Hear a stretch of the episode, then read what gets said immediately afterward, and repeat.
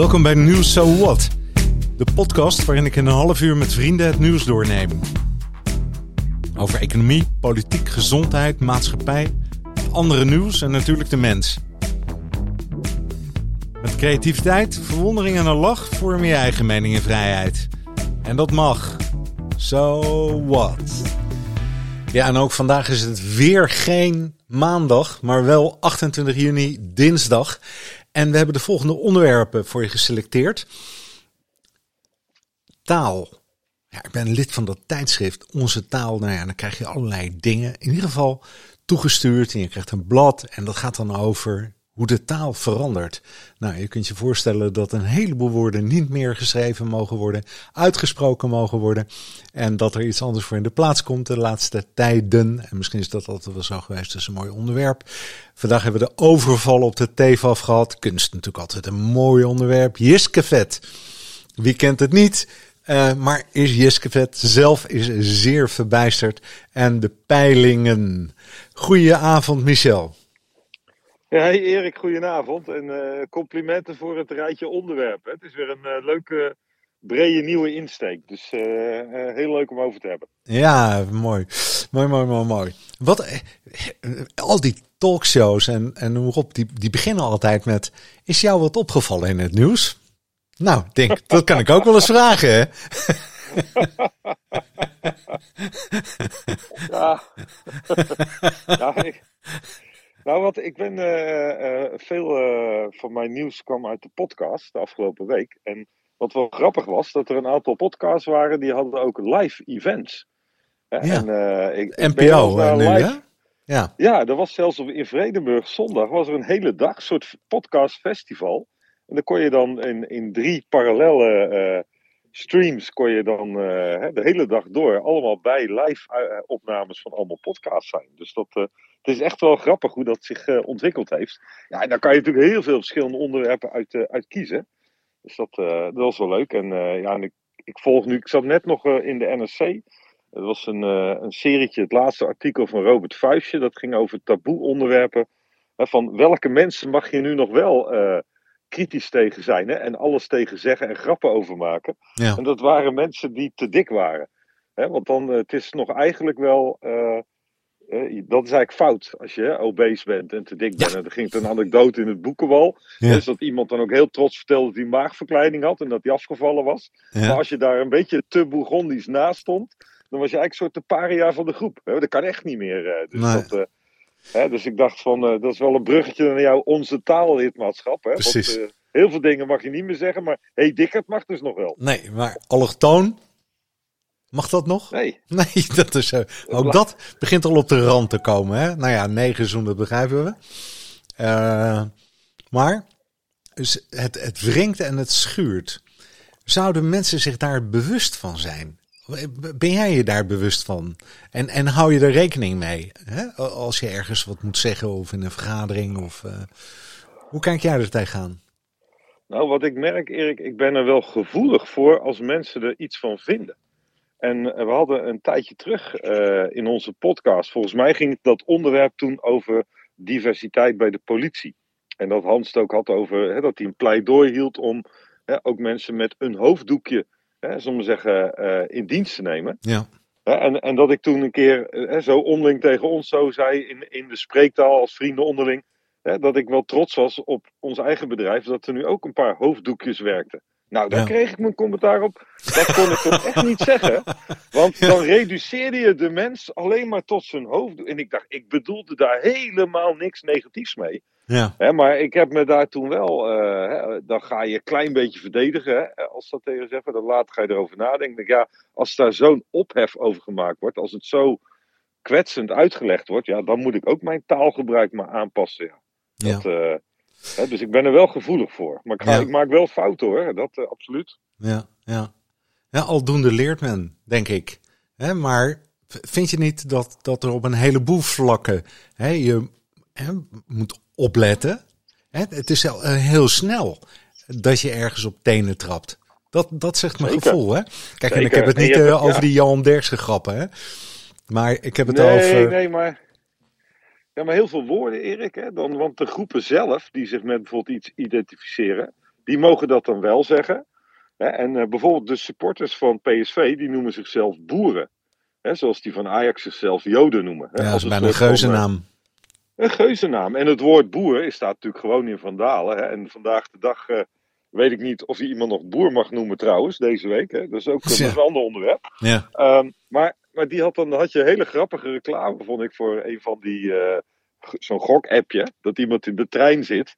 En die staat, zit te pokeren hè, op zijn telefoon met een vriend naast hem. Ja. En dat zijn dan met Ajax-sjaaltjes of zo. En dan komen er een heleboel van die, uh, van die brede PSV-supporters aan. En dan zegt hij zo in zijn dingetje: Oh nee, niet weer een boer. Ja. En, en, dan, en dan het volgende ronde was wel: Hit me, hit me. Maar dat is dan gewoon met pokeren natuurlijk zo'n kreet. Maar ja. dan staat er zo'n steltje van: Ja, dus dat vriendje zit op zo te bibberen van: Oh, oh, oh. Dus ja, taal, uh, je, moet er, je kan erom lachen, hè? maar je moet altijd een beetje opletten wat je wanneer zegt. Ja. Vivian Wassink heeft een boek geschreven. In dat mag je ook al niet meer zeggen, tussen haakjes, al niet meer. Uh, daar inventariseert ze wat er op dit gebied op taal allemaal op taalgebied gebeurt. Hè, wat de schurende taal is. Hè, ook een soort woordenboek en woordgebruik aanbevelingen komen eraan. En buitengewoon interessant om te lezen, want we staan er, eigenlijk zitten we er met onze neus op. En het gaat zich ontvouwen, hè? Hoe, hoe die taal zich ontwikkelt en wat mag en wat niet mag. Buitengewoon interessant, hè? Een levende taal eigenlijk, hè? waar het over gaat. Maar in ieder geval, ik dacht toen, nou, interessant. Maar weet jij nu eigenlijk hoe het zit met um, al die percentages van mensen die lesbisch, homoseksueel, biseksueel, hè, dat, laat ik dat, dat groepje eens pakken. Dus ik, ik ben op zoek gegaan op internet en toen kwam ik, oh. uh, ja, en toen kwam ik achter, toen kwam er twee dingen, de feiten en cijfers op een rij. En um, ik dacht, oh, dat is een interessant artikel. En toen keek ik naar de organisatie die erachter zit, die dit maakt. En dat blijkt Movisie te zijn. Zegt jij dat iets? Ja, ja, is dat niet van, uh, van die Mo uit het Westland? Die, uh, die ook. Ja, volgens mij ken ik een hele leuk vent. Ja, het is een klein consultiebedrijf. Ja, nou, het is een heel groot club, blijkt. want dat, dat Movisie, Movisie moet ik zeggen, die, ze kwamen dus met een artikel, daar gaan ze straks even over die cijfers praten. maar Movisie zelf, dat is een uh, buitengewoon interessant uh, bedrijf. Het is een overheidsbedrijf. Althans, ze hebben een stichting en uh, of tenminste een bestuur en een raad van toezicht. En het heet Kennis en aanpak van sociale vraagstukken.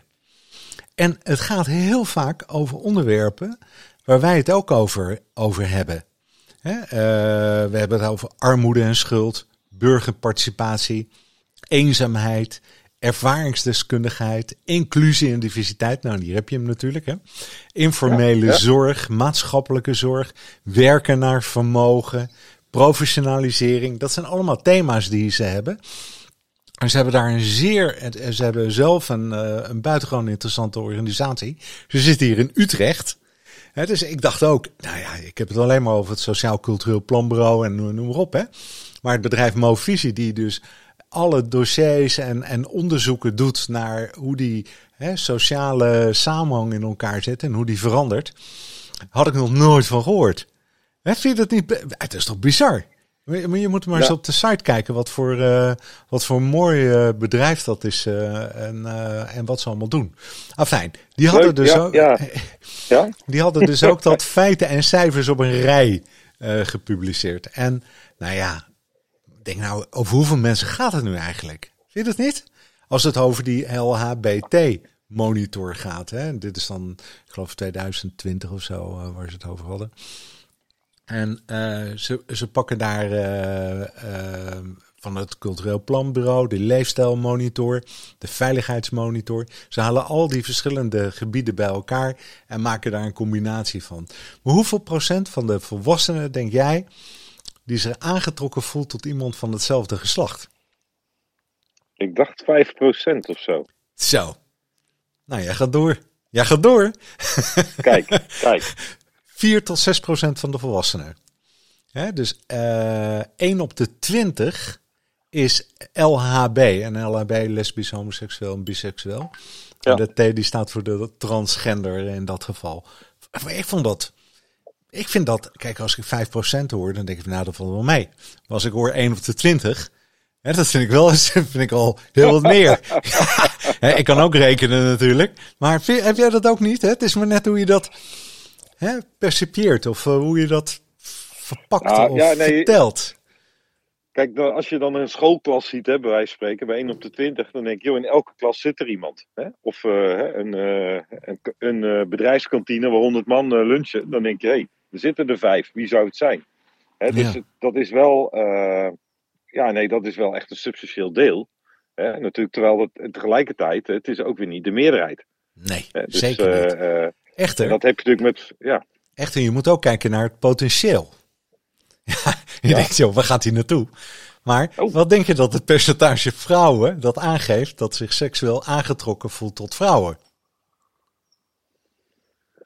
Oh. eh, ja, Het potentieel heb ik het over, hè? Ja, nou, dat zal dan wel 20% kunnen zijn of zo. Hè? Hey, zit je in hetzelfde onderzoek als ik? Of, eh? Nee, ik, ik, kan, ik had lager gezet, maar jij was het zo aan het verkopen. Ik denk, gaan we het hoger zetten? 18,7 procent. Huh?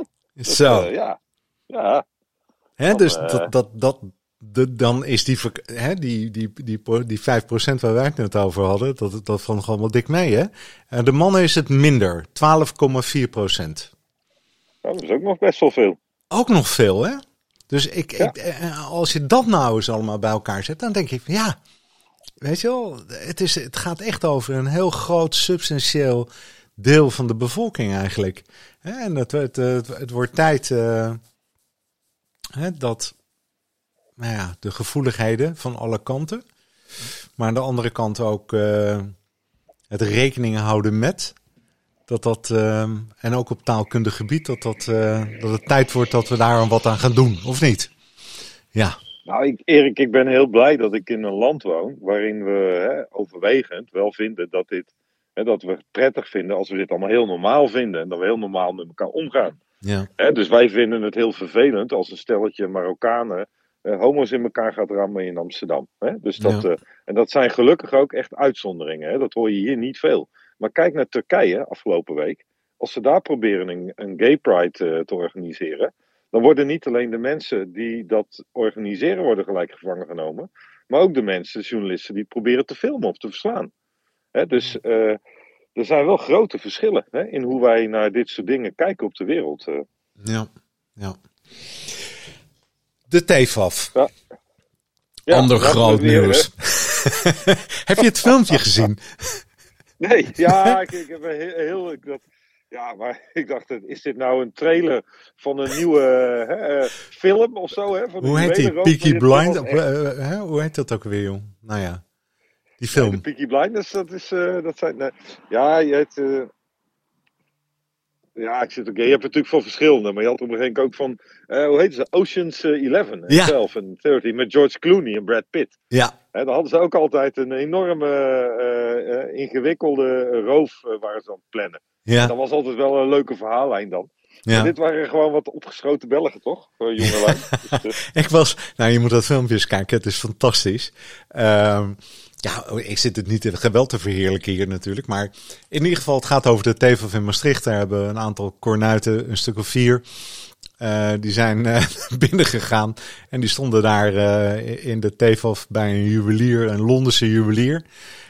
De fritine, die met gewapend beveiligd glas, hadden ze een moker meegenomen. Nou, ik, denk, ik weet niet of je wel eens bij de TVAF geweest bent, maar dan word je helemaal gefouilleerd en je moet alles in je tas inleveren. En je, zelfs je handtasje moet je ongeveer inleveren.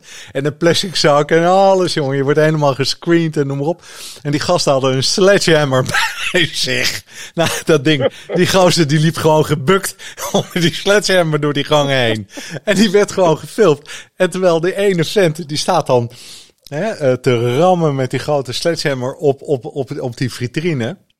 En die andere die houden dat een beetje in de gaten. En als na 15 keer beuken, hè, dan steekt hij zijn hand uh, er doorheen. En dan, dan grijpt hij wat. En dan, uh, dan lopen ze weg. En dan niet laten ze die hamer liggen. Nee, maar slepen ze die hamer ook weer mee terug. Dan lopen ze het gangpad uit. En terwijl je er zit, dan moet je eens kijken. Er, zit, er zitten allemaal bankjes in die gangpaden. En er in het midden zit een oud opaatje. En die zit er gewoon op een meter afstand bij je. Die zit gewoon te kijken hoe die andere. En, en, en inderdaad, precies wat je zegt. Het leek net alsof het gewoon een grap was. Ja. Hè? Hoe is ja, nou? dat, Ja. ja. Grappig hoor. Ja, weet je, dit is wel tijdloos natuurlijk, hè, dit soort dingen. Dus, maar dit zijn dan wel goed eh, opgevoede dieven dan, hè, Erik? Die nemen dan hun eigen spullen weer netjes mee. Ja, die laten Stofzuiger erbij. Ja, een soort circulaire dieven ook, hè. We laten geen afval achter en zo, hè. Dus Ja. dat, eh, ja. Maar dan, dat, eh, dat, dat, hè, ik, denk dan ook, eh, ja, of je wordt op pad gestuurd om, om dat ding te stelen. Ik weet niet, want ze waren heel gericht, gingen ze eh, te werken. En dat was er niet even stiekem eh, wat pakken. Dus maar mijn, gedachte die bij me opkomt, één, eh, het is geen 1 april. Het is natuurlijk een slechte grap. Iedereen is er doodgeschrokken, beurs ontruimd. Ehm, en, eh, en de rest van de dag mochten er toch wel weer mensen weer in. Dus dat valt op zich wel mee. Maar de schrik zit er natuurlijk wel goed in. Maar ehm, ik dacht, het, het, het is blijkbaar moeilijker om op andere plekken wat te stelen dan op een, op een beurs. Hoe zwaar die beveiligd ook is, hè? want er, ligt voor nou, honderden miljoenen aan kunst eh, hangt daar. En ehm, ik vond het een vreemd gegeven. Het, je maakt het niet mee. Het is een soort film, hè? Ja, het is een beetje wat je natuurlijk in die films hebt. Dat het ook een soort van, net als wat je in de sport hebt, natuurlijk niveaus. Hè, dat bepaalde uitdagingen die juist heel erg goed beveiligd zijn. Hè, dat is ook een soort van reputatiemanagement. Hè? Als, die, als je dat kan stelen op die beveiligde plek, nou, dan heb je echt wat in je mars. Ja. Dus ja, het lijkt, en ik denk wel in zo'n geval, heel vaak, dan weten ze natuurlijk met catalogie en zo wel wat er gepresenteerd gaat worden. Hè, en dat veel dingen worden natuurlijk op bestelling gestolen. Dat dacht ik, hè? Het is gewoon Ja, op dat- dat bestelling dik dit. in. Ja, dat denk ik wel. Hè? En, en ja, dan weet je ook van tevoren. Dan kan je natuurlijk wel voorbereiden. Hè? En, misschien zijn ze het al drie jaar aan het voorbereiden, Erik. Want volgens mij is het al twee jaar met corona. Is heel die beurs niet doorgegaan. Ja. Dus, dat, eh, dus dit was een lange termijn bestelling, denk ik dan. eh. Een langetermijnbestelling. En ehm, nou, ik ben benieuwd of misdaad loont. En want ze hebben er twee opgepakt. Eh, maar ehm, ik, ja, ik on- leer altijd misdaad loont totdat je tegen de lamp loopt. ja, Dan, eh, precies. da- ja. Daarvoor loont het, daarna niet meer zo. Ja. Heb je dat verhaal over Jiskevet eh gelezen? Toevallig, wat je voorbij komt? Wat, wat, wat is jouw mening daarover? Over die uitspraak van de rechter? Over dat iemand anders die gaat een stuk over jou schrijven. Over hè, een soort encyclopedie van Jiskevet. En terwijl ze zelf er niet betrokken bij waren. Ik vind het toch ook... Dat schuurt ergens, vind je niet? Ja, en het is natuurlijk. Dit was alweer hè, de, de rechtszaak daarna. Hè, want dan gaat de ene rechter die geeft ze gelijk. En toen moesten op al dus die boeken stickers geplakt worden van niet geautoriseerd. Eh, maar ja, je denkt bijna, is dat ook een Jiskevet grap? Hè? Dus dat is natuurlijk met die humor eh, is dat lastig eh, letterlijk te nemen. Maar dan heeft de volgende rechter bij hoger beroep weer gezegd dat dat weer niet hoefde. Het is... het is wel, hij past ook Erik een beetje in de categorie eh, van wie moet je nou beschermen? Hè? De artiest hè? of de mensen die ervan genieten, het volk. Want ik denk, de gedachte van Jiskevet snap ik wel. Dat is om hun gedachtegoed. En zij zeggen nu ook, wij doen dit niet alleen voor onszelf. Wij doen dit om eh, namens ons, en wij kunnen dit doen, om de eh, positie van de artiesten sterker te maken in die discussie. En die hebben we ook gehad, want eh, onze Neil Young en Joni Mitchell staan nog steeds niet op Spotify. Hè? En Ja. Dus die hebben in die eh, slag wel zelf daarvoor kunnen kiezen. Hè? En eh, hè, eigenlijk zou Jiske Vetser ook, wij willen kunnen bepalen wat we ermee doen. Ja, aan de andere kant denk ik, als mensen daar nou fan van zijn en ervan willen genieten, dan. Hè, die, hè, als je alles tegenhoudt, hè, als je zegt van er mag nooit wat over ons gemaakt worden, dat is, dan onthoud je mensen ook weer wat. Dus dat vind ik wel een lastig dilemma. Maar ja, ik, ik, sta wel in het kamp van de artiesten, in de, in de basis wel. Maar als je het nou zou vertalen naar, ik las dat ook en, en, en toen dacht ik, nou, dan wordt er een boek uitgegeven over legendarische uitspraken van Johan Cruijff. Ja. Nou, dat is ook kunst, denk ik. Hè? Want wat die vent gezegd heeft, dat is natuurlijk zo soms spijker op zijn kop met gewoon uh, Hollands nadenken met wat verhaspelingen erin. Hè, dat was een hele eigen stijl van Kruiven.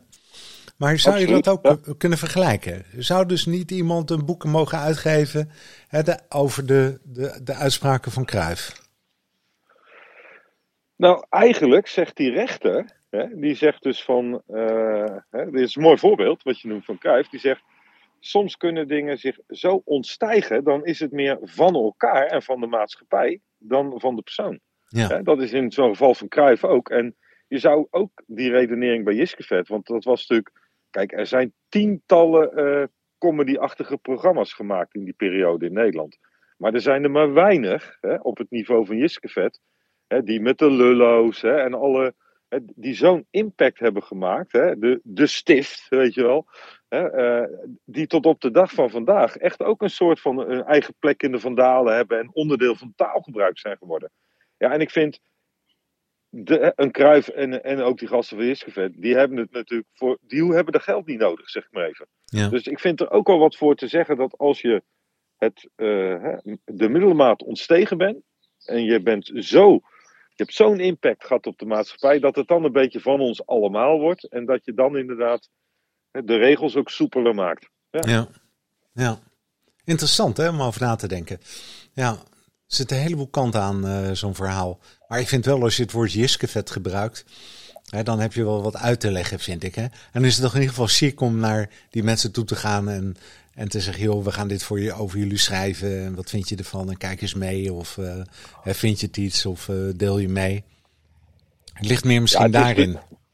Ja, en dit is ook niet zomaar iemand die het geschreven heeft. Dit zijn natuurlijk ook de uitgevers die het altijd... Hè, die hebben een band met die mensen. Hè, die hebben dit dan gedaan. Maar die zijn er dan niet uitgekomen met die gasten. En dan gaan ze een potje ruzie. Ja. Hè, dus het is niet zo dat wij als, als, als nono's zomaar iets over Jiskevet zijn gaan maken. Hè. Dat was het ook niet. Ja. Dus uh, ja, dat... Nou ja, wel, wel interessant. Ik moet wel denken met die, die kunstbeurs en met het Jiskevet. Ik zit midden in het boek van Roel Pots. En dat heet Cultuur, Koningen en Democraten. En dat gaat over de historie van de relatie van uh, alles op het gebied van kunst en cultuur met de Nederlandse overheid. Hoe zich dat in, in de tijd allemaal ontwikkeld heeft. en uh, dat is echt fascinerend, vind ik, om te lezen ook van wanneer we dingen eh, juist wel sponsoren of niet. En ik zit nu in de tijd van de verzuiling. En dan zijn er bijvoorbeeld ook kunstenaars die bijvoorbeeld in toneel, Herman Heijermans en zo, die, die zeggen dan hele onaardige dingen over de katholieken.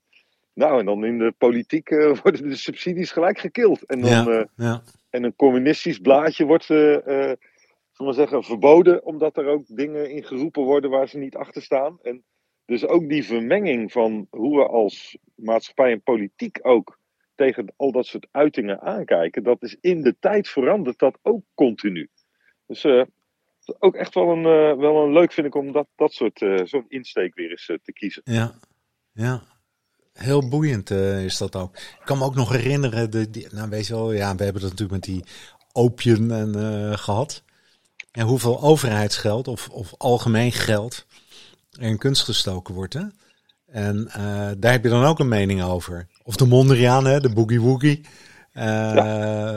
hè, terwijl de noden hoog zijn, er komt er nog een, een, iets anders bij. Hè, waar heel veel geld aan besteed wordt. Hij zegt, ja, het is, het is toch van ons allemaal. Maar ja, we hebben er niet allemaal verstand van. Maar niet allemaal gaan naar het museum. Hè? Dus, dus toch maar voor nee, het is hè, selectieve... Dat komt ook naar boven, in dat, naar, naar voren in dat boek. Ja, want het is ook de categorieën. Hè? Want je hebt het natuurlijk over schilderkunst, beeldende kunst. Hè? Maar je hebt het ook over uh, muziek, uh, architectuur. Hè? Uh, het, het beheer van monumentenzorg. Hè? Maar ook hè, de meer populaire kunst die dan ontstaat. Hè? Met popcultuur, theater, schouwburgen. Ook gaan zich meningen vormen over films. Hè? De artistieke films versus de commerciële bibliotheken de uh, geschreven kunst, dichters, hè, uh, boeken. Hè. Dus je ziet dat dat hele terrein is zo divers. En dat heeft allemaal potjes met geld. Ja. En dus het is al een lastige discussie. Wat besteed ik aan kunst ten opzichte van onderwijs of zorg of wegen. Maar ook binnen die kunst. En dan zie je bijvoorbeeld ook een hele discussie als er dan een kunstbudget is. Als er dan ook geld bijvoorbeeld besteed wordt aan kunstenaars. Om van levende kunstenaars werken te kopen. Dat er een discussie ontstaat. Wanneer valt dat nou eigenlijk onder een sociaal beleid? Omdat het soort uitkeringen zijn of geldstromen voor kunstenaars die het niet breed hebben. En wanneer gaat het echt om de kunst aan zich? dus dat, uh, dat, de, uh, dat echt de kunstkenners daarvan wat moeten vinden. Ja, echt. En dan krijg je ook nog eens een keer discussie tussen de, noemen dat de hogere kunsten en de lagere kunsten. Ja, ja. En op het moment dat we dan van Rijk, provincies en gemeentes, en dat er dan ook de rol van de gemeentes lokaal wordt steeds belangrijker. En dan komt er op een keer de, de burgemeester van Hilvarenbeek, plattelandsgemeente. En voor hun is kunst en cultuur is heel erg het fanfarekorps in het dorp. Hè? En uh, dat, dat soort uh, dingen. Hè? En de dus het is ook heel lastig hè, omdat je denkt, ja, ja dat is geen uh, nachtwacht, Erik. Nee, nee. Dus, maar hoe ga je dat soort dingen dan vergelijken? En dan willen ze ook bijvoorbeeld de, het, het volk verheffen. Hè? Door ze, ja, ze moeten een soort hogere mensen worden hè, door die kunst. Hè? Dus Ja. het is ja, en uh, ik denk als je kijkt naar bijvoorbeeld, volgens mij gaat het uh, de leeftijd van het uh, museumpubliek. Als je naar de museumjaarkaart, die heb ik ook nog steeds. Ik vind dat leuk om zo af en toe, hè, op zo'n dagje uit, gewoon ook dan weer eens een keer een paar musea's te combineren. Ja. Maar het is een behoorlijk vergrijsd publiek. Ik, ik las een, want wat is, is populaire kunst? Een vers van de dag vandaag. In mijn muziekkrant Oor stond een leuk artikel over het belangrijkste muzieknieuws uh, van de afgelopen week, Erik, in Nederland. Wat denk je dat was? Uh, Rob den Huis. Uh, nou, die is twee, dat was ook een goeie. Nee, Bruce, Spring, Bruce Springsteen komt naar Nederland volgend jaar. Dus, en ik heb toevallig kaarten. Dus uh, Ja. ik ga naar Landgraaf, dus, uh, hè, met zijn E Street Band. En, en daarin schrijft hij dan ook inderdaad in dat artikel hè, dat dat, ja, hè, dat, is, dat is ook kunst. Hè, Ja, zeker. spreken. Maar dat, Ja, dat die generatie van die nu 20 jaar geleden of zo zouden de 50, 60ers zag je in het museum lopen. Hij zegt, nu zie je die 50, 60ers, die zie je lopen bij dat soort popconcerten. Hè, dus, uh, dus ja. En ik was trouwens van het weekend in de Echo, was ik met Amber weer een keer, waar we naar een uh, klein, uh, was een grappig Nederlands bandje, Loesburg. Beetje Velvet Underground-achtige muziek. Ook best een oud publiek, ook wat er dan komt. ja. Hè, dus dat, uh, nou ja, en dan, dan moest ik gelijk denken aan, aan Andy Warhol en die serie die ik nog op mijn to-watchlijst heb voor jou ja. op Netflix, hè, met, met die scenes. En, hè, dus ook kunstenaars en muzici hebben zich ook altijd. Hè, en als we dan weer teruggaan naar het onderwerp van het begin, hè, want ook Lou Reed en David Bowie, als je het hebt over transgenders, hè, die dweepten daar ook mee. Hè, Ja, die schminkten ja. zichzelf al toen, die, die trokken jurken aan, weet je wel, die speelden ego's, hè, dat ze ook soms als vrouw speelden en zo. Dus dat was in de, de kunstscene loopt vaak ook heel erg, soms decennia voorop in die ontwikkeling. hè. ja. Prachtig om te zien. Ja, we moeten dat koesteren, Erik. Koesteren, ja. En eh, ondergewaardeerd, ondergewaardeerd. Dat vind ik ook. Ehm, hè, dus er mag best wat geld naartoe. Naar, maar dan ook naar hedendaagse kunstenaars, vind ik. Hè? En levenskunstenaars, theaterkunstenaars. Weet je wel, die Ja. Met elkaar Ja. in, eh, in beweging zijn. En die hebben het gewoon ook allemaal moeilijk gehad, hè? Dus Oh, nog het wordt wel ja. tijd om eh, ze wat te helpen. Ehm, als laatste. Ehm, de VVD, CDA, ChristenUnie, D66. In de Tweede Kamer, 2021, hadden ze 78 zetels. En nu, in de prognose van Maurice de Hond, van hier gisteren geloof ik, 47. Dus dat gaat, dat is niet zo goed hè? Dat is dramatisch, Erik. Hè? We zijn we daar blij mee? Dramatisch.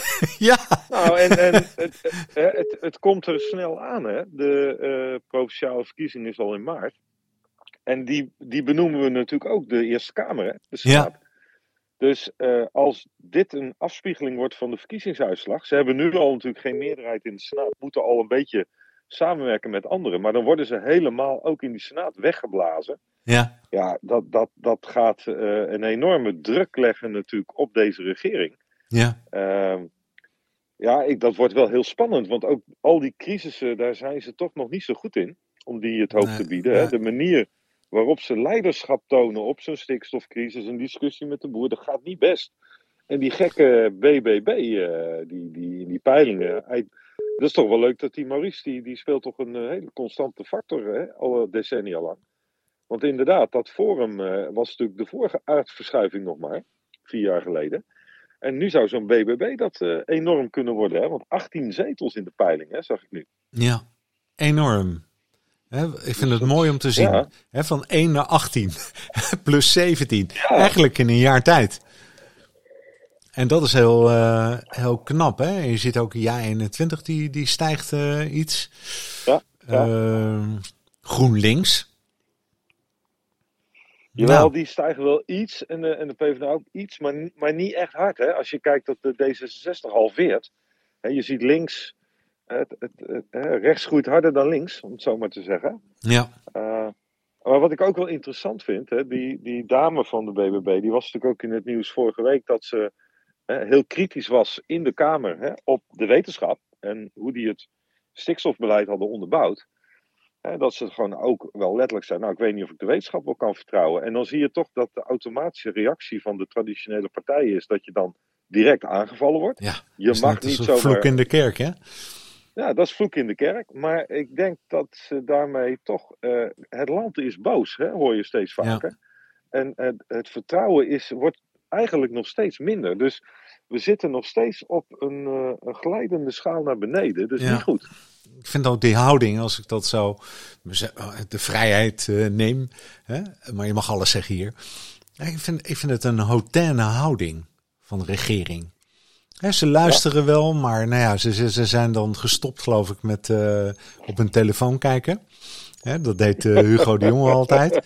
Maar ze hebben een hautaine houding. We weten het, joh. En eh, ach, jullie hebben ook een mening. We hebben een meerderheid, maakt ons niet uit. En, eh, maar eigenlijk ook in de wetenschap durft, ja, hè, er spreken zich steeds meer mensen uit. Want in die laatste podcast trouwens, hè, dat was nog wel mooi. Ehm, die podcast van Marianne Zwageman en Veldhuizen. En Rick van Veldhuizen, hè, eh, die had Han Lindeboom. En hij is eh, gepromoveerd D66er, specialist op eh, stikstof, hoogleraar, Landbouw, Universiteit Wageningen. Nou, allemaal topper van de top, hè. En die was met een verhaal aangekomen, eh, dit vertelde hij dus, hè, daar in die podcast. Dat, dat ze met de conclusie gekomen waren van de stikstofgroep van D66. Nou ja, en die, dat hebben ze maar terzijde gelegd bij D66, want dat paste niet in hun straatje nu. Want het, het, werkte niet. Dus hij voelde zich enorm afgezeken. En eh, Marianne, die, die, die, die Zwageman en Veldhuizen, die hebben dus een podcast gemaakt. En die hebben ze precies voor het Tweede Kamerdebat, hebben ze die de lucht in gebracht. Hè, waarin dit verhaal over D66 en de betrouwbaarheid en dat het echt onzin is. eh, voor een belangrijk deel. En dan gaat het bijvoorbeeld ook over eh, eh, de Waddeneilanden. Hè, dat dat gewoon een foute veronderstelling is. En dat ze modellen gebruiken bij het RIVM die, weet je wel, hè, gekunsteld naar een oplossing toe gaan. Ehm, maar nu komt de grap. Dat die podcast, die werd meteen in de Tweede Kamer genoemd. En die werd door Haga eruit gepakt. En meerdere mensen die die podcast begonnen te, uh, op te rakelen in de Tweede Kamer. Um, en wat denk je nou dat een tweet die dag voordat uh, de Tweede Kamer erover in debat ging, over dat interview met die Hanne Lindeboom. Wat, hoeveel, hoe vaak, hoeveel keer is dat bekeken? Wat denk je? Oh, dat kan wel in de tienduizenden geweest Een miljoen. Zijn. Een miljoen keer? Ja. Zitten er nog zoveel mensen op Twitter, Erik? Dat, uh... Nou, ja, ik weet het niet, hè. Wat via via en door en, uh, en verder gegaan is. En ja. ik hoorde dat, uh, dat vertelde ze zelf, die Zageman, uh, vandaag. dat, hè, dus eigenlijk, um, hè, social media in dit geval, uh, of een podcast en, en uh, op die manier aangezet, hè, een beter bereik heeft eigenlijk dan als je naar Nieuwsuur kijkt. Hè? En Oh ja, ja, media. Zeker, ja. Zeker. Ja, nou ja, dat, dat, ik denk dat dat wel hè, heel erg ook de dynamiek van deze tijd beïnvloedt hè, met dit soort dingen. En eh, dat het voor politieke partijen en regeringen steeds lastiger wordt om grip op die media te houden. Exact. Dus de kans dat er echt dingen gebeuren. En, ehm, Maar ja, toch blijft het zo, hè, Michel, dat als op één of Nieuwsuur iets zegt, of het journaal, dat de geloofwaardigheid gewoon per definitie tien keer hoger is. Denk je niet? Ja, maar dat snap, ja, maar dat snap ik wel, Erik. Want kijk, ik, die zullen natuurlijk hè, ook wel deels wel gekleurd zijn. Maar het nieuws kan uit zoveel hoeken komen. Hè, kijk nou naar dat voorbeeld van de deepfake. Hè, met, die, eh, met de burgemeester van Kiev, met de burgemeester van eh, eh, Berlijn vorige Ja. week. Ja. Hè, dus dus eh, dat is het gevaarlijke van deze tijd. Hè, er kunnen heel veel, hè, of, of discussie waar we wel eens tijdens corona hadden. Zeggen, ja, er zijn wel 10.000 medisch specialisten in de wereld. Dus het is niet zo moeilijk om er 100 te vinden. Hè, dat is 1 op de 100. Die, die ook weer een ander verhaal hebben. En die zijn ook specialisten. Dus je, het is heel lastig om eh, de betrouwbaarheid van bronnen en om dingen goed tegen elkaar af te wegen. Ja. Hè, dus ik vind wel dat alles gezegd moet kunnen worden. Maar de vraag is wel van hoe gaan we dat dan duiden? En eh, eh, welk deel van, van de mensen is in staat om wel een soort van goede begripsvorming, beeldvorming erover te doen? Ja. Want ik denk dat speelt in Amerika natuurlijk ook. Want als je dan over de rednecks hebt en al die Trump-volgers en zo. Hè, dat is wel, het is ook heel makkelijk om ze even als een soort van. eh, hè, want rednecks mag je natuurlijk ook niet meer zeggen hè, met de Nee. woorden in de taalboek. Nou, Want dan zet, dan zet je ze ook weg. ja. Maar ja, het is ook een verdomd ingewikkelde wer- wereld geworden, Erik. Wij hebben ook heel veel moeite om dingen te begrijpen. Dus, en daar zijn we er nog heel veel mee bezig en zo. En we hebben het er veel over met elkaar. Dat ik denk, hoe makkelijk is het niet om een stemming te maken?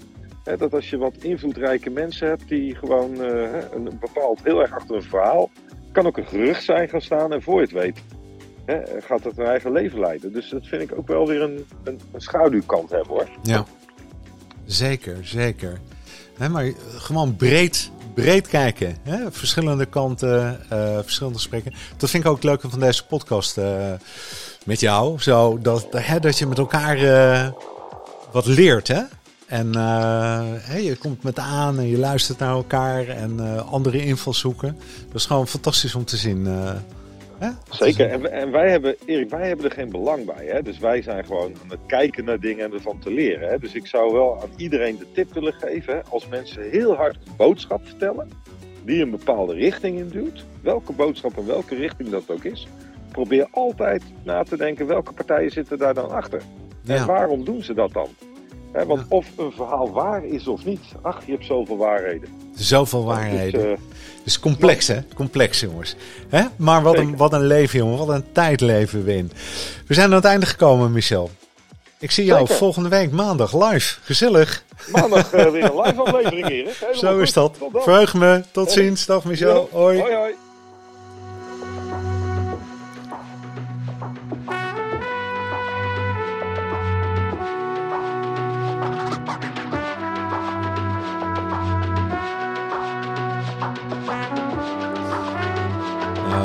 Hè, van Jiske Vet naar Tef. En ondertussen denk ik na over wat dan de titel van deze podcast zou moeten worden. Het moet iets met kunst zijn, hè? Levenskunst, levenskunst. Dat is een mooie. Ik zeg tot veilig. Dag!